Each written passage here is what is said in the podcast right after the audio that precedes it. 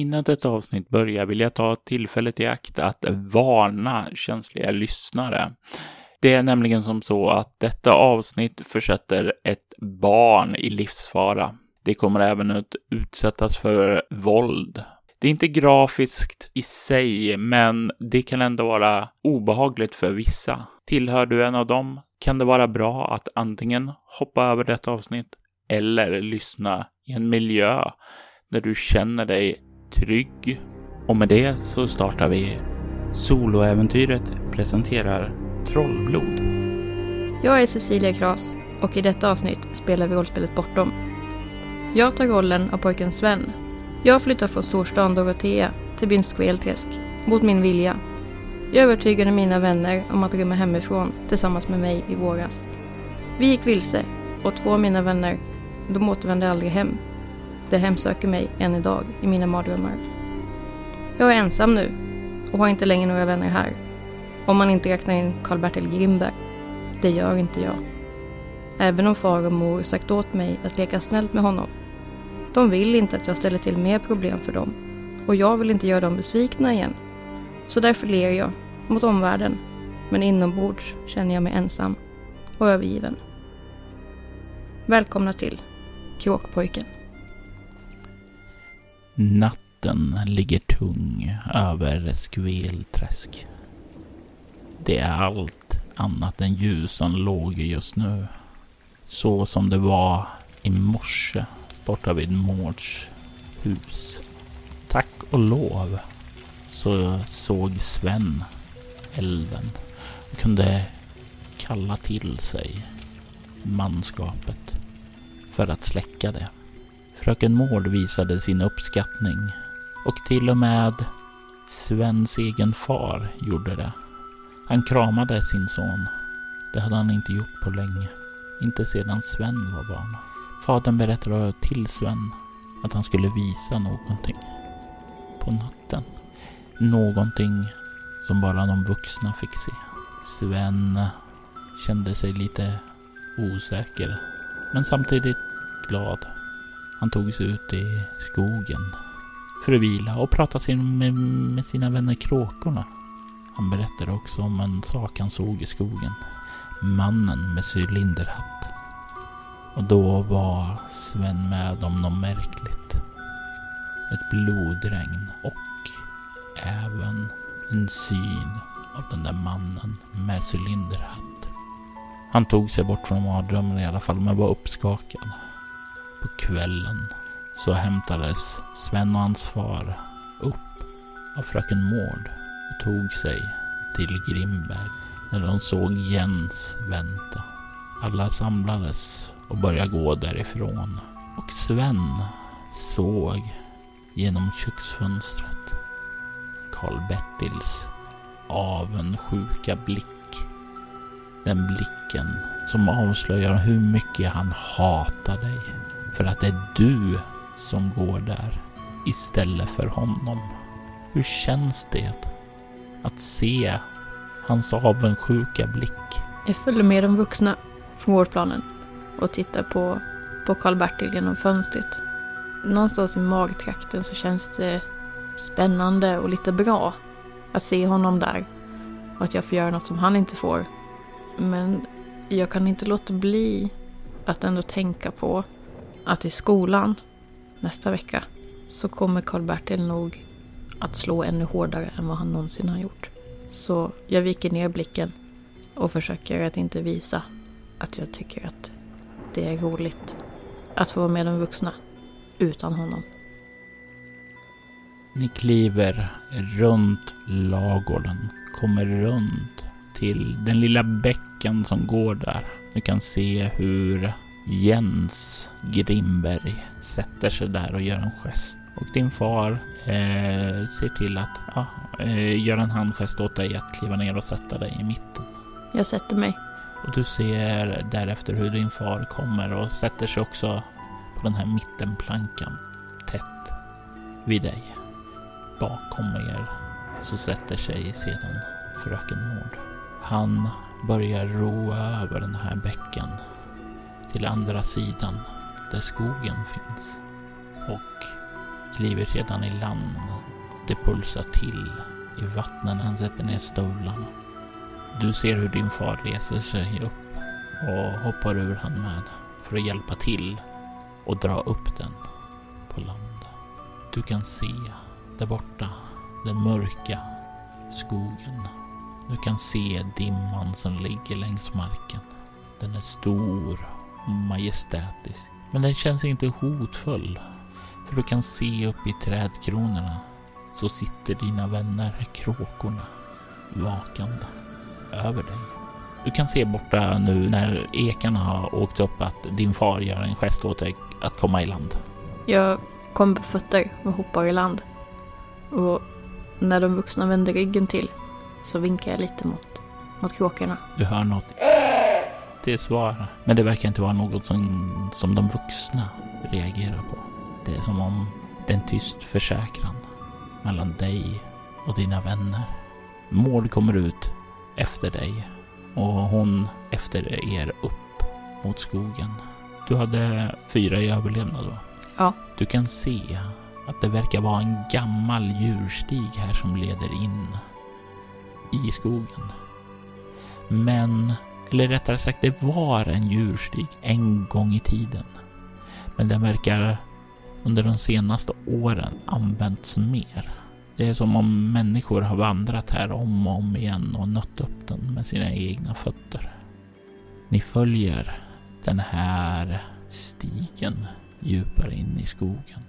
Det är tyst, ödsligt, men det känns ändå tryggt att ha dina vänner där uppe som följer med er.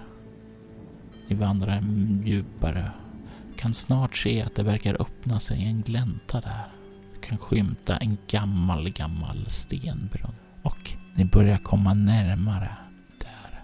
Jag vill att du slår ett kropp överlevnad. Ett lätt slag. 14. Och när ni kommer ungefär 50 meter ifrån det där så lägger du märke till hur dina vänner kråkorna verkar kraxa till. Och sen så ser du hur de verkar flaxa undan bort därifrån. Som om de är skrämda av någonting. Som de kan förnimma någonting som inte du kan förnimma. Jag ser mig om efter kråkorna och söker efter dem i blicken. Känner olustkänsla i kroppen. Men jag, jag viker inte av från stigen. Jag följer efter min far. Ni vandrar den sista 50 metrarna fram till den här öppningen. Den... Ja, det, det är ju höst så du kan ju se att gräset är blött fortfarande. Ni kan se hur gamla löv ligger på marken. Du kan se hur nya löv har fallit från en del träd som står här. Mestadelen så är det tallar, men just här i närheten så kan du ana en del lövträd också. Någon ek finns här brunnen. Den är handgjord. Var du mekanik? Tre. Du tycker det också att den, den ser inte alltför gamlad ut. Den kanske är gjord för fem, tio år sedan. Ni kan se hur Jens kliver fram, ställer sig där och verkar avvakta. Du kan se hur fröken Mård vandrar omkring lite där. Du ser hur din far stannar till precis innanför. Lite nervöst och även rädd. Vördnadsfull. Det är svårt att säga. Slå ett lätt slag med utstrålning kameleont. Sex. Det är som sagt varit svårt att avgöra. Hur känns det för dig? Vad gör du när ni kommer in hit? Jag stannar snett bakom min far och sneglar lite på de andra vuxna.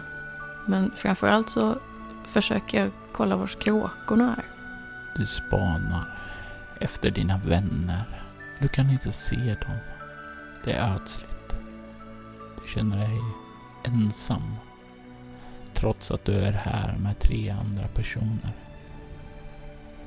Sven. Sven.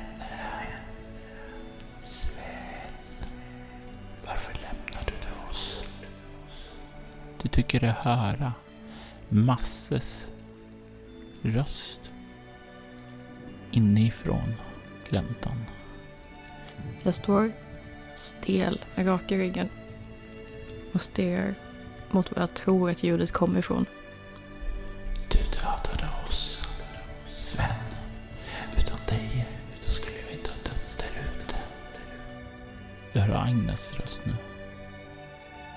Verkar komma ifrån brunnen. Jag tittar på de vuxna omkring mig. Ser de ut som de har hört rösterna? Om de har hört den så verkar de inte ge något sken av att reagera på det. Jag står kvar bakom min far. Det är som att hans kropp kan skydda mig. Och drar upp axlarna till öronen. Och blir liten och tänker att jag är nog inte vuxen egentligen. Det, det är något missförstånd. Och kryper liksom ihop fast jag fortfarande står upp. Jag slår armarna om kroppen och jag viskar. Förlåt. Förlåt mig.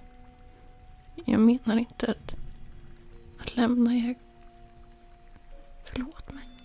Du hör dem tala samtidigt, nästan i kör. Om inte du hade dragit oss ut så hade vi båda levat. Nu ligger vi där ute. På myren. Nedsjunken. Frust ihjäl. Han försökte rädda mig från att sjunka ned. Hon, hon, hon sjönk. Jag var inte stark nog. Han, han, han, han försökte vara en man. Han var en man och inte som du, är en lugnare och skrävlare. Du var rädd för att lämna och du drog oss i eländet. Vi kan inte förlåta dig.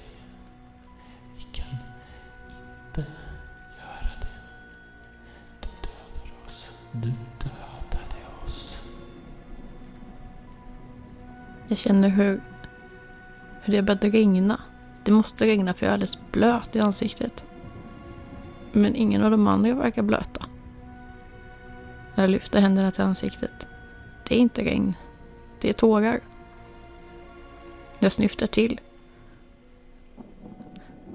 Förlåt.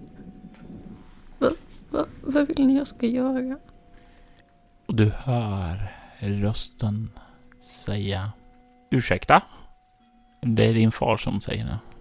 Och han kollar ner på dig och ser tårarna. Och han lägger handen tröstande på axeln. Eh, oroa dig inte. Det, det, är inget farligt. Det är inget farligt. Eh, vi väntar bara på en eh, person till. Han kommer snart. Och sedan lägger han handen på axeln för att trösta dig lite. Ge dig lite stöd. Jag vill skaka av mig hans hand. Han vet ju inte vad jag, vad jag har gjort. Han förstår inte. Vuxna brukar inte förstå. Men jag står som fastfrusen i marken och bara skakar. Hade hans hand inte legat där på axeln så stadigt så hade jag kanske skakat sönder.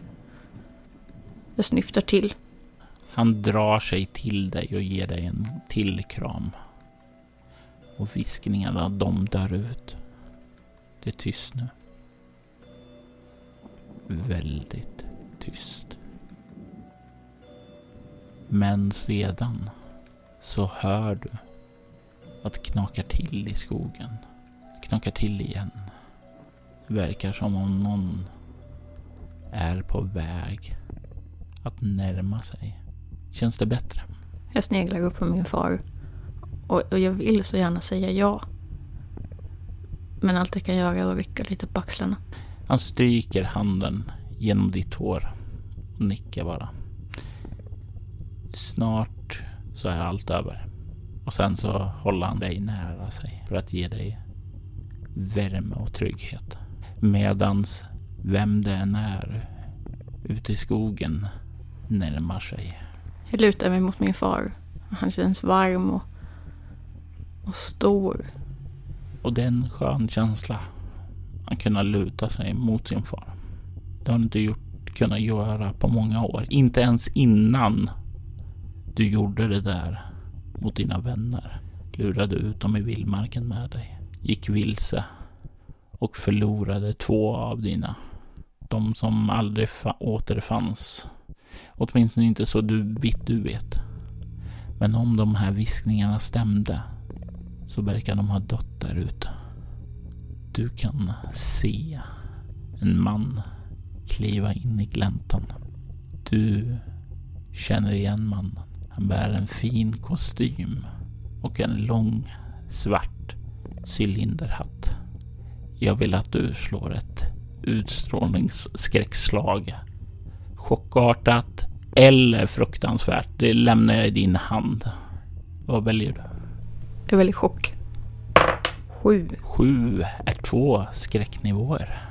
Du ser mannen som du tyckte dig skymta i skogen och som sedan sågs där ute när blodregnet började falla. Hur känns det att se han kliva in där och du kan se hur Jens verkar le och nicka åt man. Herr Vråk, så trevligt att ni kunde komma. Det, först är det som en förlamande känsla. Jag bara stirrar på honom. Och tänker att, men det, det är han, det är han som, som försökte bränna ner fröken Mårds hus. Det... Men varför är de inte arga på honom? Jag, jag sa ju till min far att jag hade sett en man i hatt. Varför? Jag förstår inte. Jag, jag, förstår inte vad som händer. Jag, jag stod kvar bredvid min far och, och stirrar på de vuxna. En efter en, tittar på dem. Jag förstår inte varför de inte är arga på honom. Varför skriker de inte? Varför, varför frågar de inte varför han försökte bränna ner frökens hus? Och fröken Mård? Hon, hon bara står där. Du ser hur fröken Mård börjar röra sig fram emot den här mannen. Som presenteras som herr Vråk. Och sedan niger hon för honom. Hon säger Jag har inte haft äran att tacka dig för att du räddade mig då jag var sjuk. Och du hör herr Vråk säga Jag är glad att jag kunde hjälpa er. Jag beklagar bara att det tog er fars förstånd. Och du kan se hon nickar. Det var nära att det tog mitt också. Jag älskade min storebror. Du kan se hur han nickar. Jag spenderade endast en kort tid tillsammans med honom. Men det var intrycket jag fick också. Att han var älskvärd.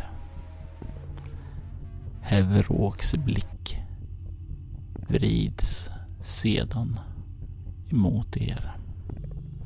Han kollar på din far. Åh, herr Stenvik, så trevligt att äntligen få träffa er. Du kan se hur herr Vråk kommer närmare er. Och hans hand börjar sträcka sig ut fram emot er. Du ser hur din far tar emot den och de skakar. Eh, angenämt, herr Vråk. Eh, jag har hört mycket gott ifrån er. Och jag har hört mycket gott ifrån dig, från herr Grimberg. Eh, han, han säger att ni kan hjälpa oss så som ni hjälpte både Grimberg och Mård. Absolut, jag kan göra det. Om ni har råd med det. Ja, det har vi. Jag diskuterar saker med min fru. Utmärkt. Herr Vråk vänder sig sedan och kollar ned emot dig. Så vad heter ni, min vän? Jag tittar upp på min far. Söker vägledning hos honom. Jag vill att du slår ett chockartat skräckslag med utstrålning. För den här fernissan av en trevlig man som står där och stödjer dig är som bortblåst nu. Nu ser du blicken i hans ögon. Blicken som ser hur stor besvikelse du är för honom. Hur han klandrar dig för flytten, för vad du gjorde där borta i Dorotea. Hur du är en belastning. Hur skönt det ska bli att bli av med dig. Sju. Två skräcknivåer till. Jag lägger båda i stress. Jag ryggar bort från min far. Jag tar flera steg bakåt och bara stirrar på honom. Det här är inte den mannen som jag känner som min far. Vem är han? Vilka är de här? Du kan se hur din far på. Sluta krångla nu Sven. Du ska alltid ställa till bekymmer. Han tar ett steg tag och greppar tag i din hand. Kom här nu. Jag stirrar på honom och sen sliter jag mig loss och springer. Allt jag kan ute i den mörka skogen. Vi börjar här med ett kropp närstrid. För just när du ska göra det så höjer han sin hand för att ge dig en rejäl örfil över ansiktet. Kropp närstrid. Kropp närstrid för att undvika din fars handflata i ansiktet. Och din far som vet hur man slåss och är välbyggd kommer upp i 14. Och jag som är åtta år gammal och inte har mycket att sätta emot får fyra. Du får två bestående förluster i kropp när du känner hur hans hand träffar dig över ansiktet. Du känner hur det svider. Inte bara av den fysiska smärtan, utan hur din far uppträder, hur det kalla jaget kommer fram, hur han utan problem verkar slå dig. Och sen kommer du loss. Du rusar utåt. Och jag vill att du slår ett kropprörlighetsslag. Åtta. Eller får jag lägga till på kull? Det får du definitivt göra. Elva. Du kan höra hur din far, han ger ifrån sig en suck. Alltid en besvikelse. Och sen så kan du höra också herr Vråk som säger Hämta honom om du vill ha min gunst. Och du hör han suckar och sen börjar han springa efter dig. Men det är inte bara han som springer. Du hör Jens också springa. Och den vackra fröken Mård, Miriam, följer efter. Hon också. De börjar jaga dig. Men du har ett litet försprång. Du följer i stigen. Börjar rusa tillbaka mot båten. På din vänstra sida så kan du se en kråka. Sitter längre in i skogen och kraxar till. Det är vad som fångar din uppmärksamhet. Jag tvärstannar och kastar mig mot kråkan och springer åt det hållet. Och du kan se han lyfter på vingarna börjar flaxa bort. Jag följer efter. Blicken fokuserad på kråkan. Du rusar där. Och du hör bakom dig fotsteg som följer efter dig. Du tycker dig höra hur de andra tre verkar komma närmare och närmare och närmare. Slå ett kroppnärslag. Den här attacken som du ska komma upp i är 17. Noll. Du rusar efter kråkan. Du hör hur de här andra kommer närmare och närmare. Och plötsligt så känner du hur någon sliter tag i dig bakifrån. Och innan du hinner skrika så känner du en hand över munnen. Och sedan hur du rycks åt sidan ned bakom ett träd. Jag försöker skrika, jag kämpar, jag sparkar, jag försöker riva. Allt jag kan. Du kämpar och kämpar. Du hör fotstegen kommer närmare och närmare och de är 10 meter ifrån. 5 meter ifrån. De är här. De är här. De fortsätter. 5 meter bort. 10 meter bort. 15 meter bort. Snart hör du dem inte längre. Du har kämpat och kämpat men du har suttit som ett skruvstäd. Jag vill inget illa, hör en skrovlig mans röst. Och sen så släpps greppet om dig. Jag kastar mig på marken och snurrar runt och, och tittar upp på honom. Du ser en man. Vildvuxet skägg. Långt stripigt hår. Du kan se hur han är klädd i gamla drängkläder. Men de är skitiga och nedgångna och som om han burit dem i år utan att byta. Smutsigt ingrott. Allting tyder på att det är en man som har levt ute i skogen under lång tid. Han håller upp händerna för att mm, verka som att lugna dig. Jag kravlar mig bakåt på marken. Jag torkar mig ansiktet. Det är barr och blod och, och tårar. Och allting blir bara klibbigt och, och suddigt. Vem är du? Vad vill du mig? Låt mig vara! Mitt namn är Karl Petter och jag vill eh, rädda dig. Precis som jag blev räddad en gång i tiden. Från att bli ett av vråkungens offer. Vad pratar du om? Du såg brunnen där de offrar sina nära och kära. Jag skulle bli ett offer. Min älskade Moas offer.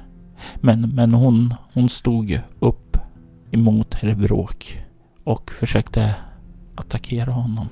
Hon försökte rädda mig. Hon gav mig en möjlighet att fly. Men hon misslyckades. Hon blev brunnens första offer. Och sedan dess så har de döda samlats där nere och fött vråkungen så han kunde växa i styrka. Och när han växer i styrka så ger han de som offrar gåvor i gengäld. Det var det som de ville göra. De ville offra dig så att din far och mor skulle kunna få välstånd. Men jag, jag vill inte se fler offer.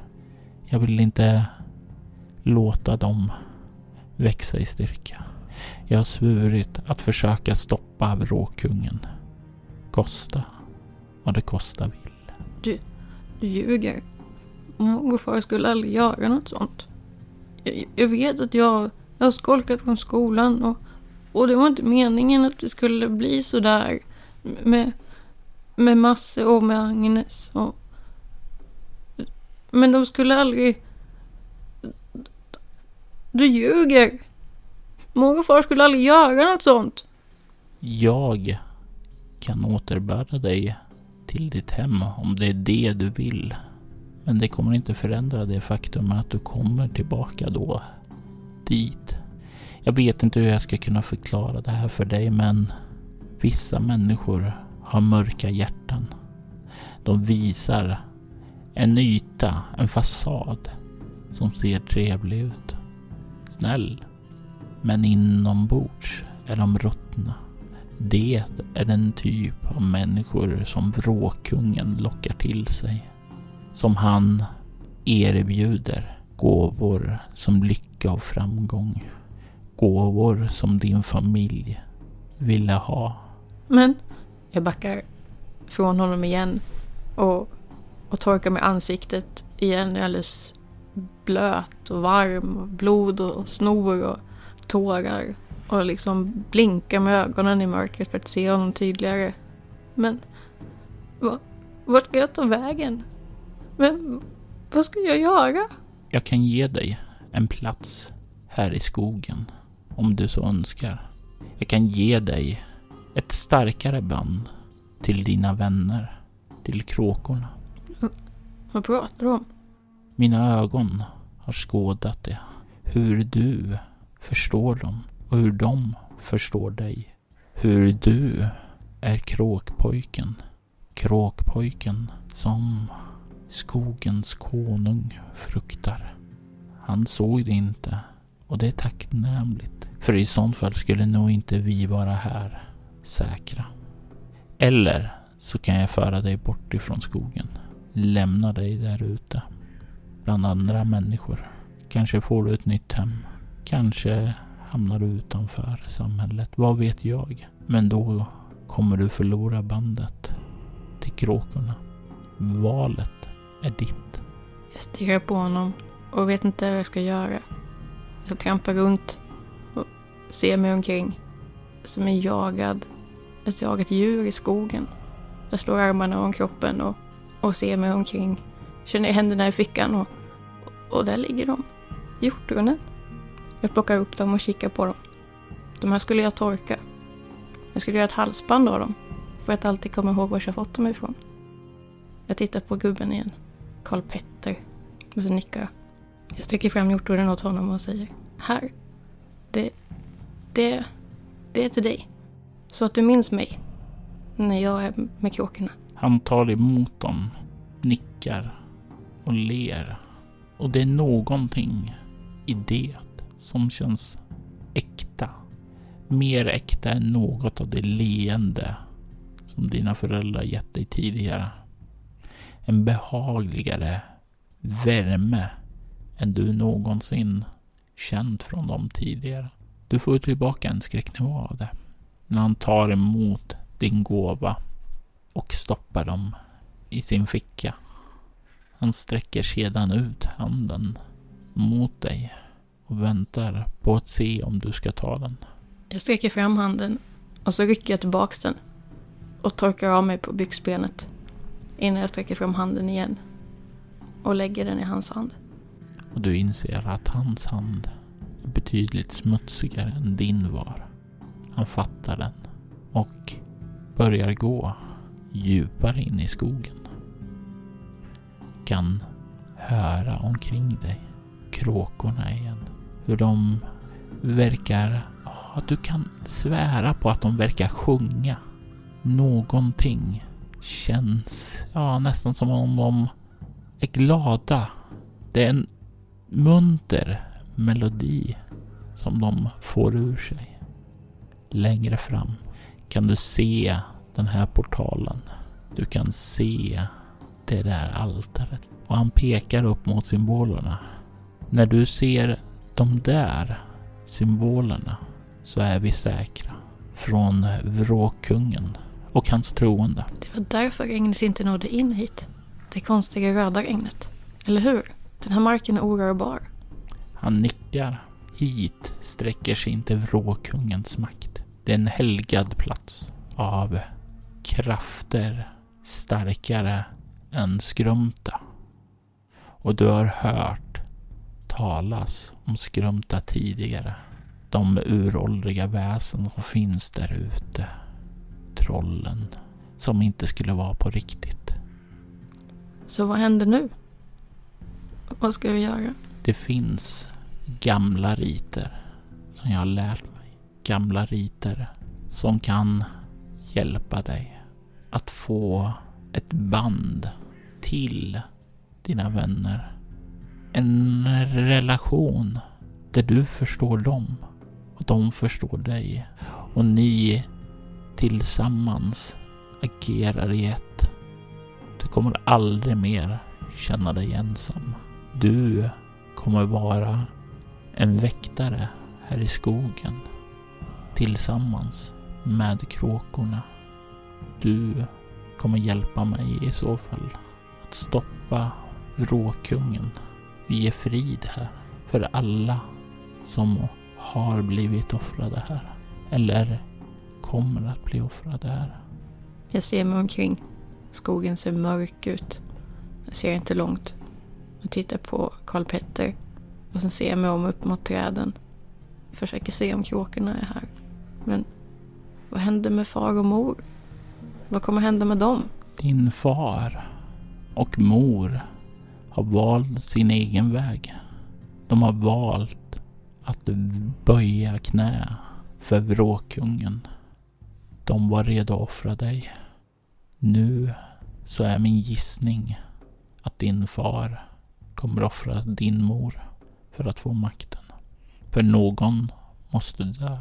Men, men, men vi måste, jag måste, jag måste hem, jag måste varna henne. Jag sliter till med armen och börjar springa bort genom skogen. Jag måste varna min mor. Jag kan inte låta min far ta henne. Även om de är överens om det här, jag kan inte låta honom ta henne. Och du kan höra bakom dig. Kom tillbaka när du är redo. Jag väntar på dig, kråkpojke. Du rusar ut. Och det går snabbare den här gången. Mycket, mycket snabbare. Du hinner ta blott ett par steg och i nästa ögonblick så kommer du ut på bakgården. Bakgården till ditt hem. Du kan se det lyser där inne. Det verkar lugnt. Troligtvis har din mor gått och lagt sig och det är nattlampan som lyser inifrån hennes sovrum. Jag rusar runt huset. Upp för, för bron och kastar mig in genom dörren. Mor! Mor! Och du vrålar där så kan du plötsligt höra någon som reser sig förvirrat eh, upp ur sängen. Ha, hallå? Jag rusar upp för trappan till, till mina föräldrars sovrum och kastar upp dörren. Mor! Du kan se hon står där uppe i nattsärken och med vidöppna ögon ser hon på dig. Eh, Sven, är ni redo tillbaka?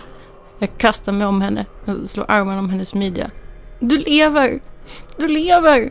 Eh, ja, du kan känna hon liksom lite trevande lägger handen över din axel och verkar försöka stryka dig. Det går lite stelt, men hon gör det. Jag känner avståndstagandet i gesten och, och backar ifrån henne lite grann.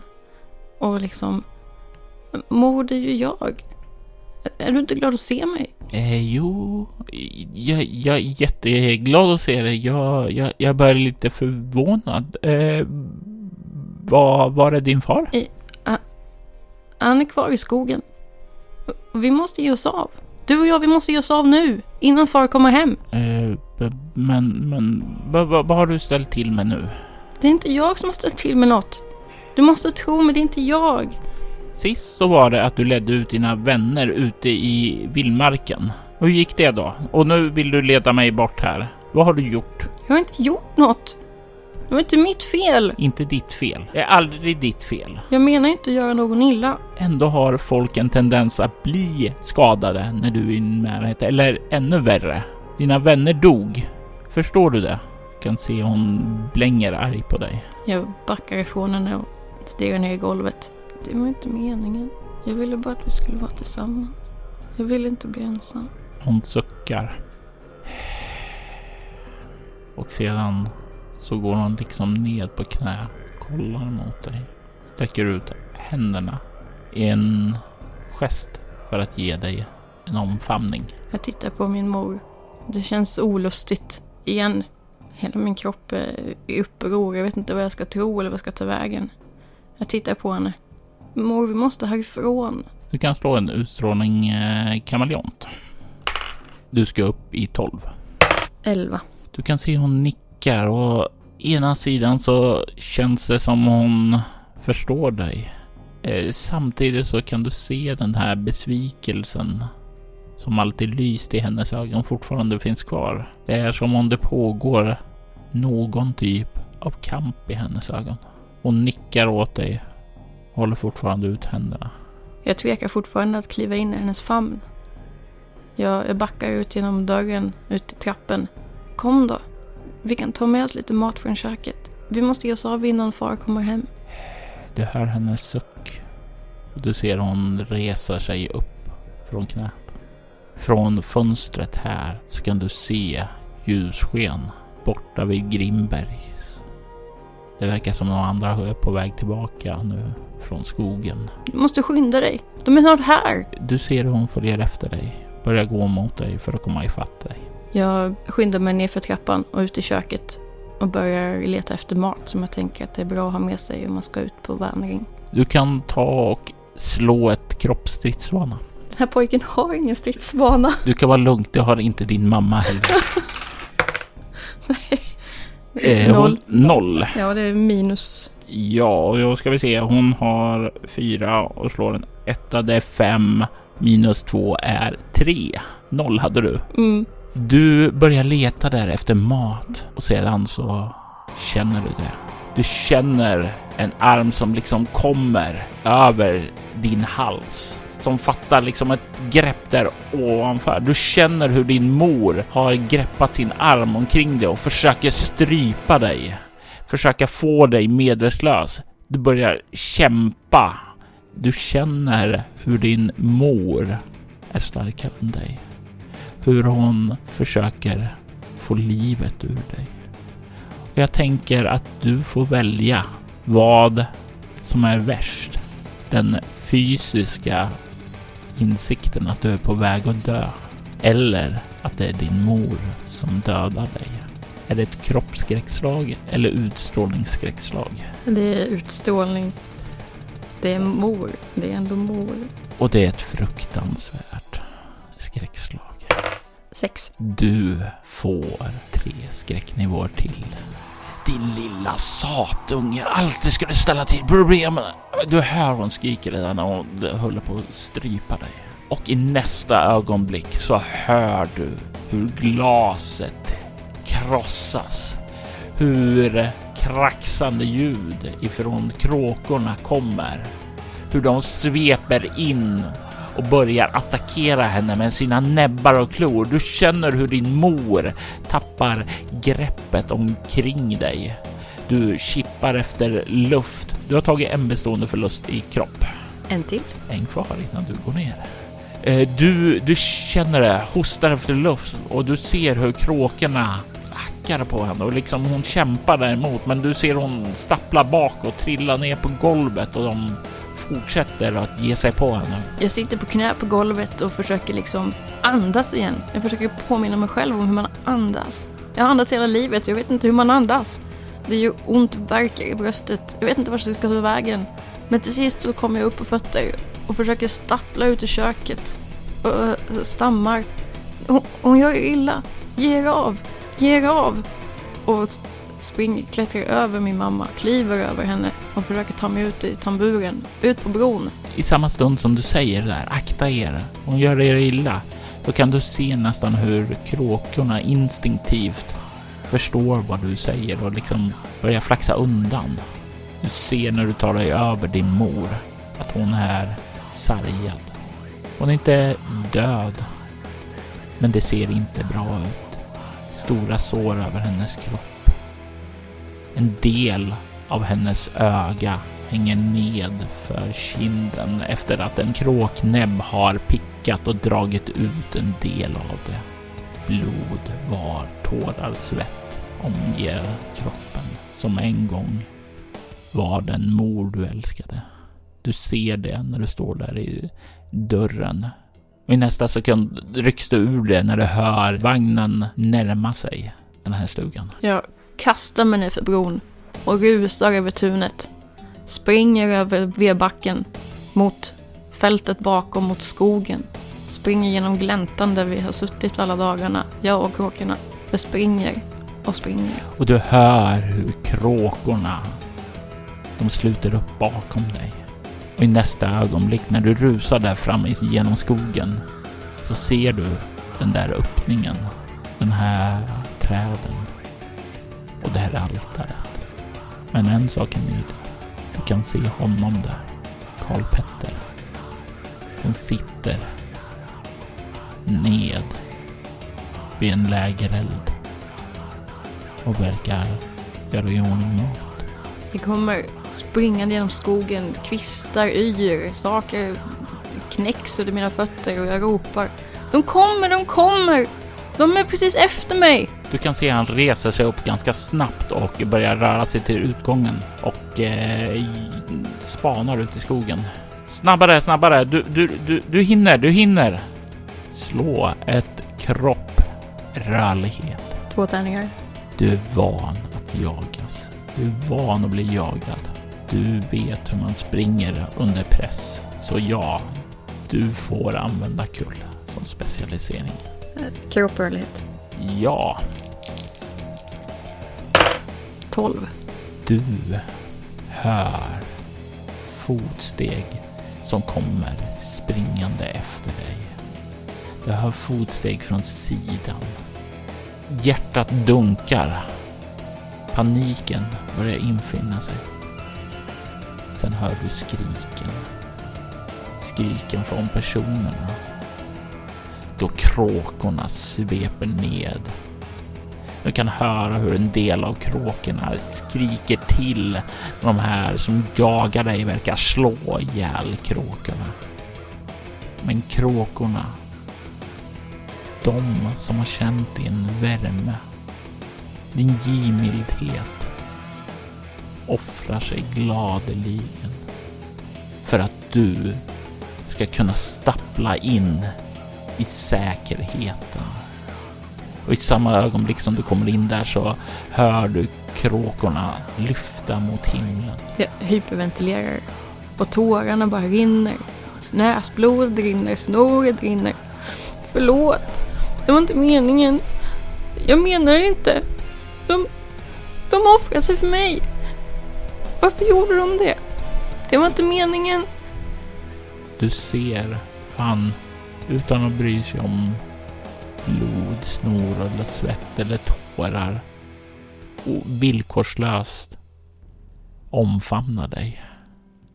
Håller om dig. Stryker sin hand tröstande genom ditt hår. Och när han har gjort det så släpper han lite greppet och kollar dig rätt i ögonen. För att du är värd att räddas. Du är kråkpojken. Du är värd att älskas. De gör allt för dig för att du kommer göra allt för dem. Allt. Jag ska göra allt jag kan. Jag ska återbetala dem. Hela livet. Alltid. Det vet jag att du ska. Det ska vi båda göra. Det är du och jag nu. Och kråkorna. Vi ska se till att ge frid åt trakten. Vi ska stoppa vråkungen. Han räcker sin hand fram mot dig och sedan väntar han på att du ska ta den. Den här gången tvekar jag inte. Jag ser honom rätt i ögonen och lägger min hand i hans. Och han reser sig upp och går bort med dig. Bort mot altaret. Han pekar ned på den här mörka fläckade delen av altaret och säger här för länge sedan spilldes blod ifrån personer som ville få ett band med kråkorna. Vill du ha och stärka ditt band med kråkorna så behöver jag göra någonting som kan göra ont. Jag behöver göra ett litet skärsår i din hand så att du kan lägga handen däremot. När du gör det så kommer du känna att det gör ont först i dig. Men sedan så kommer du att vara ett med kråkorna. Vill du vara ett med kråkorna? Jag står tyst ett litet tag. Tittar på Karl Petter. Lyssnar på skogens ljud. Mitt ansikte svider. Min far slog mig. Och jag tänker att ingenting i världen kan göra ondare än det där. Så jag håller fram handen och biter ihop tänderna. Och du har rätt. Smärtan av kniven som skär genom din handflata. Det gör ont. Men det är inget av den smärta av den far som gett dig den där örfilen och velat offra dig. Eller den mor som försökte strypa dig. Du stirrar ner, ser blod tränga ur din hand. Och du hör Karl Petters lugna röst säga. När du lägger handen på altaret så kommer det göra ont.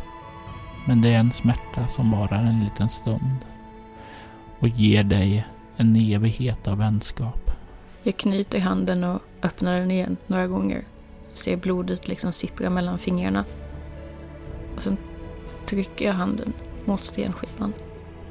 Och du känner smärtan som skjuter igenom din kropp. Han skojar inte. Du ser hur du liksom står där paralyserat. Du ser hur ditt skinn börjar röra på sig som att det är någonting där under. Du kan känna hur det kliar. Du känner som om det är någonting inuti dig som börjar förändras. Någonting som inte längre är helt mänskligt. Men den smärtan, den är kortvarig. inuti dig så hör du en symfoni.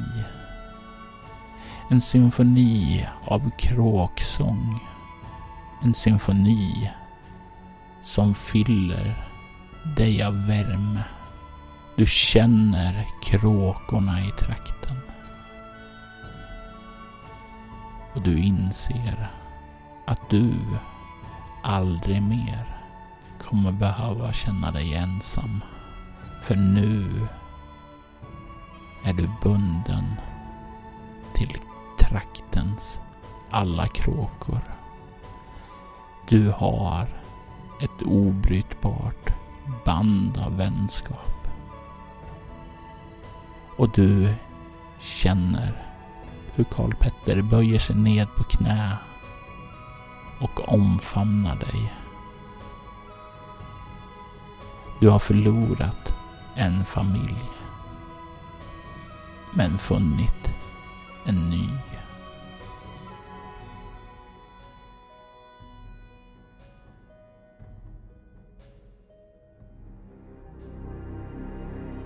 Sven Stenvik spelades av Cecilia Kras och spelledare var Robert Jonsson.